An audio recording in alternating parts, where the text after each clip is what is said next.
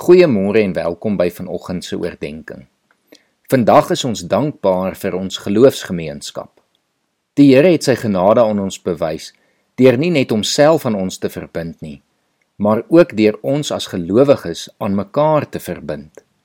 Die Here het ons as mense gemaak om in gemeenskap met ander mense te leef.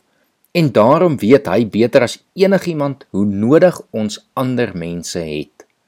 Daarom het hy die kerk as 'n liggaam saamgestel en elke gelowige aan die liggaam verbind. In twee verskillende briewe van Paulus raak hy hierdie belangrike konsep aan.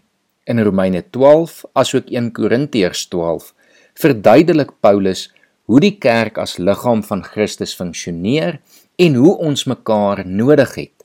Hy sê byvoorbeeld dat die oog nie vir die hand kan sê dat hy hom nie nodig het nie en so ook nie die kop vir die voete nie. Almal is nodig. Ons kan nie ons roeping in hierdie lewe vervul op ons eie nie. Ons het ander mense nodig. Daarom kan ons vandag dankbaar wees dat die Here vir ons mense in ons lewens plaas om ons in ons geloofspad te help en by te staan, te mentor, by wie ons kan leer mense saam met wie ons kan werk om alles te kan doen wat ons moet doen.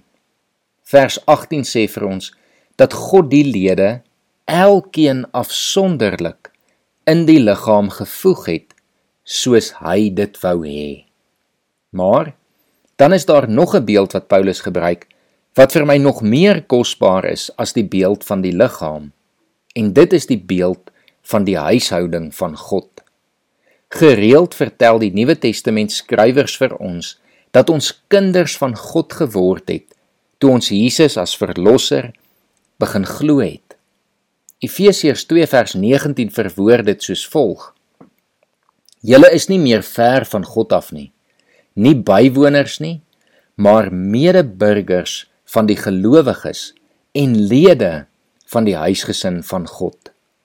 Die implikasie is dat as ons sy kinders is en ons deel word van sy huishouding, ons daarmee saam 'n klomp broers en susters bykry.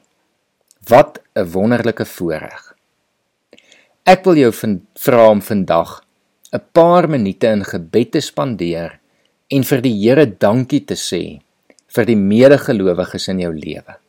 Probeer ook vandag by 'n paar spesifieke persone uit te kom of te bel en bedank hulle dan vir hulle invloed op jou geloofsgroei en die waarde wat hulle in jou lewe bygevoeg het. Kom ons bid saam.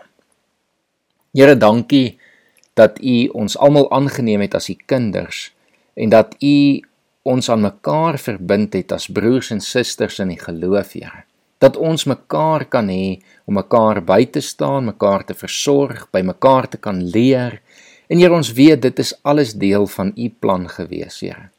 Here, dankie dat u dit vir ons as 'n seëning gee. Dankie dat ons deel kan wees van u huisgesin en van die liggaam van Christus om hier op aarde saam te kan werk en saam u te kan dien. Here, ons dankie vandag vir ons geloofsgemeenskappe en ons vra dat u ook ons geloofsgemeenskappe sal seën in hierdie jaar. Ons bid dit alles in Jesus Christus se naam alleen. Amen.